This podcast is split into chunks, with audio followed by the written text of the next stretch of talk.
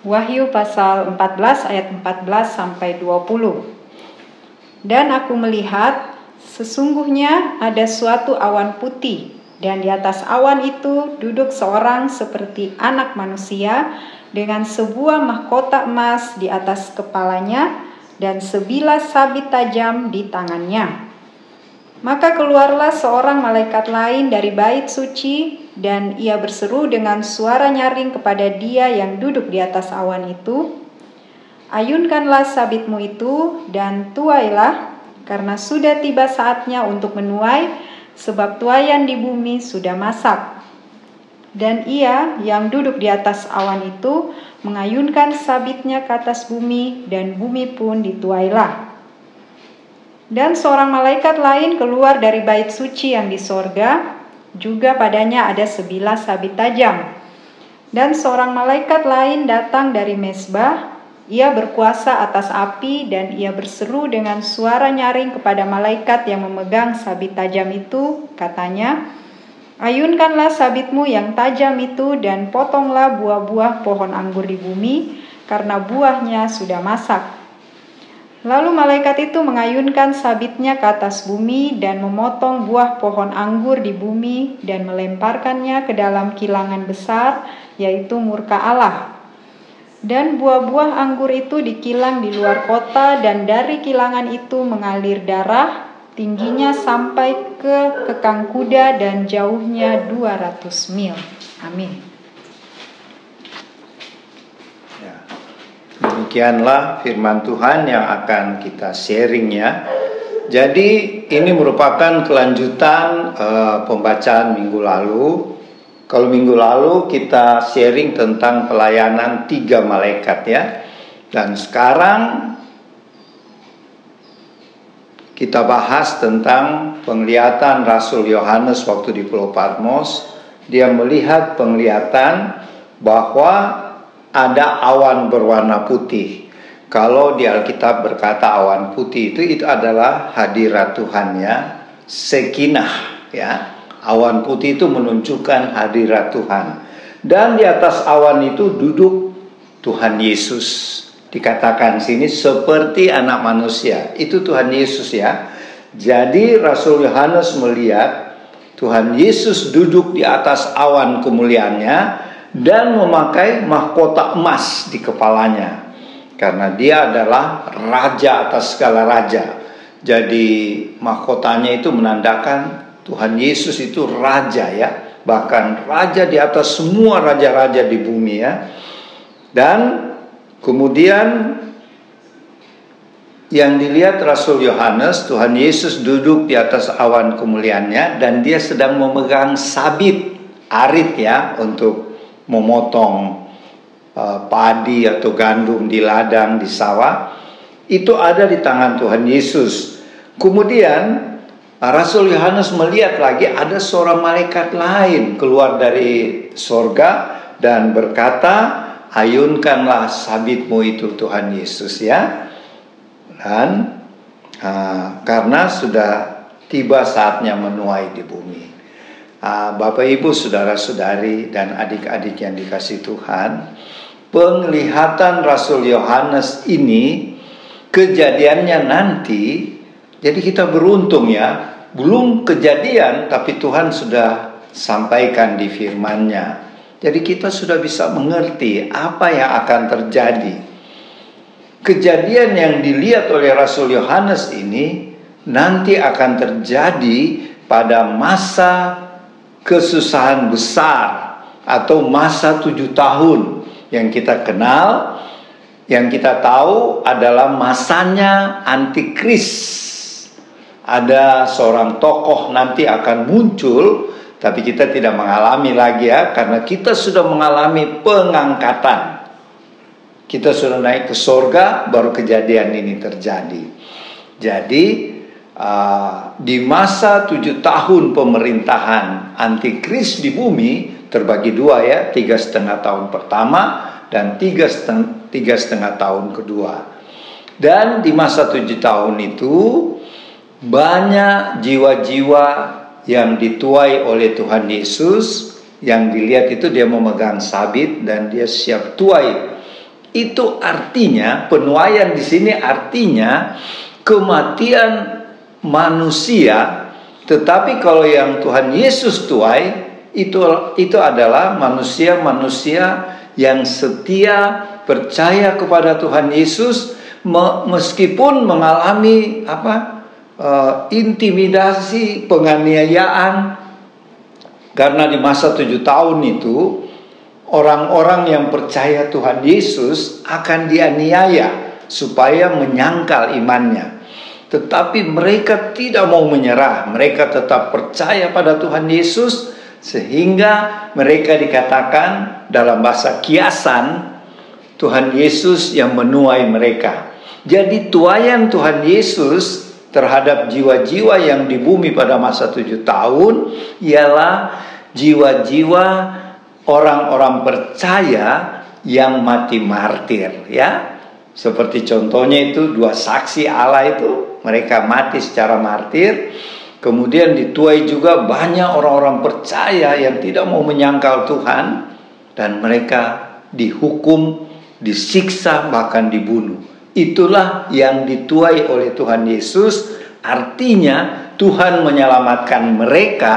Dan kita baca selanjutnya di Wahyu pasal 15 dan seterusnya, mereka itu nanti yang dituai Tuhan Yesus akan melayani di bait Allah siang dan malam.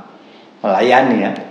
Luar biasa ya mendapat kehormatan dari Tuhan karena di masa yang penuh penderitaan tujuh tahun itu mereka tetap setia.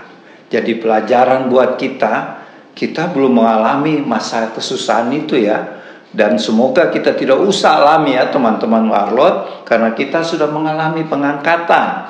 Tapi pelajaran buat kita meskipun saat ini mungkin kita sedang berada dalam problem, masalah yang berat, mari kita tetap setia sama Tuhan Yesus. Di dalam pelayanan juga mungkin terjadi perselisihan paham. Mari kita tetap setia, kita tetap kompak, bersaksi dan melayani Tuhan Yesus, melayani sesama yang memerlukan pertolongan Tuhan Yesus melalui kita warlot. Apalagi warlot itu punya pelayanan, punya ciri khas supernatural. Jadi seperti pelayanan kesembuhan yang ajaib, uh, pelayanan pengusiran setan-setan, uh, menghancurkan kuasa okultisme, jadi warlord memang dibenci oleh iblis dan setan-setan ya, tapi kita maju terus. Kemudian kalau kita baca selanjutnya Rasul Yohanes melihat seorang malaikat lain lagi keluar dan memegang sabit seperti Tuhan Yesus tadi. Dan ada suara dari malaikat lain, jadi ada berapa malaikat ini ya? Malaikat tadi yang berseru waktu Tuhan Yesus mau menuai, terus ini malaikat kedua, terus ada lagi satu malaikat berseru, jadi ada tiga malaikat lagi nih. Malaikat yang berikutnya berkata, Ayunkanlah sabitmu yang tajam itu, potonglah potonglah buah-buah pohon anggur di bumi karena buahnya sudah masak. Ini juga kiasan ya. Sebenarnya uh, yang dimaksud buah anggur itu kalau kita baca Alkitab itu yang dimaksud biasa bangsa Israel ya. Jadi ini bagi bangsa Israel yang masih menolak Tuhan Yesus sebagai Tuhan, sebagai Mesias, sebagai Yesua Hamasia. Nah ini bahaya, itu mereka akan mengalami murka Allah Tuhan marah dan menghukum mereka melalui malaikat ini. Jadi malaikat yang pegang sabit ini menuai dalam arti bukan menyelamatkan kayak Tuhan Yesus tadi, yaitu menghukum Tuhan murka kepada orang-orang yang menolak Tuhan Yesus. Ya, terutama di bangsa Israel ya. Memang bangsa pilihan, tetapi kalau mereka tetap menolak siapa Tuhan Yesus, masih menanti-nantikan Mesias yang lain, maka mereka mendapat murka Allah yang kita akan baca nanti di pasal berikutnya yaitu tujuh cawan murka Allah. Ya, jadi ini sebagai pembukaan saja. Jadi uh, waktu si malaikat ini turun untuk menuai itu, yaitu melakukan penghukuman, terjadi pembunuhan besar-besaran. Ini terjadi kapan? waktu perang Armageddon. Jadi di situ manusia dengan manusia saling membunuh, berperang dan dikatakan di sini bahwa darahnya itu darahnya itu manusia yang saling bunuh nanti di perang Armageddon itu sampai di kekang kuda ya? Dan jauhnya apa berapa mil 200 mil. Jadi begitu banyak kematian sehingga darah manusia itu begitu banyak ya. Sehingga diumpamakan kalau kuda berdiri sampai di kekangnya. Dan luasnya itu darah sebesar 200 mil. Jadi betapa ngerinya ya. Jadi ketika tujuh cawan murka Allah nanti dicurahkan ke bumi inilah yang terjadi ya jadi mari Bapak Ibu, saudara-saudari, adik-adik yang dikasih Tuhan, kita ambil pelajaran dari firman Tuhan ini. Yang pertama, marilah kita hidup benar ya. Kita hidup kudus di dalam kekudusan Tuhan Yesus. Kita ikut apa firmannya Tuhan katakan. Dengan kata lain, kita hidup selaras dengan firman, kita tetap setia bersaksi tentang kasih Tuhan Yesus, tentang siapa Tuhan Yesus, dan melayani sesama kita. Selama Tuhan berikan kita kesempatan sesuai dengan talenta kita masing-masing. Selamat melayani Bapak Ibu Saudara-saudari. Tuhan Yesus memberkati dan ingatlah Roh Kudus yang akan memberi hikmat dan kuat kuasa Haleluya, Tuhan Yesus memberkati. Nanti Oma Palar yang melengkapi ya. Selamat siang teman-teman, Bapak Ibu di rumah, tim Warlot. Kita jumpa lagi pada siang hari ini. Apa yang Opa sudah katakan tadi, saya hanya menambahkan ya. Apa yang judul Wahyu 14 ayat 14 sampai 20 itu pernyataan bahwa bumi dituai. Pengertian ini tadi Opa sudah bawa, saya hanya tambahkan bahwa apa yang dikatakan itu pada zaman pada waktu itu kita sudah tidak ada lagi ya di bumi bagi orang-orang yang percaya yang sudah mengalami pengangkatan atau bahasa yang selalu disebut itu rapture. Ini terjadi sesudah kita naik, naik ada masa bumi dituai. Ini adalah tangan Tuhan yang sendiri turun ya untuk menilai, untuk bekerja, untuk menyatakan penuaian, menyatakan sesuatu yang benar dan salah, yang layak dan tidak layak itu terjadi di bumi. Saya tidak ulangi, itu yang dilakukan oleh Tuhan bersama para malaikatnya. Yang menjadi titik di sini, apakah pertanyaan yang kita sudah dengar dari firman hari ini, apakah kita ada di zaman itu waktu di judul ini bumi bumi dituai. Kalau secara anak-anak Tuhan Waktu itu kita sudah tidak ada. Kita sudah ada di atas bersama Tuhan, ya. Kita sudah pengangkatan. Kita merayakan pesta perkawinan kita bersama sebagai jemaat Tuhan, anak-anak Tuhan merayakan perkawinan kita dengan Tuhan Yesus. Tetapi apa yang terjadi di bumi itu yang tadi. Saya tidak ulangi, bagaimana Tuhan bertindak ya. Apakah pertanyaan sekali lagi kita ada di bawah atau kita sudah naik? Inilah titik daripada pertanyaan bagi kita pribadi masing-masing. Bapak Ibu di rumah saudara-saudari teman-teman mari dengan membaca apa yang kita baca hari ini kita periksa diri kita ya. kita periksa apakah kita layak sudah layak untuk kita naik di atas dengan perkataan ini, pembacaan ini kita tertantang. Ataukah kita tinggal? Ya.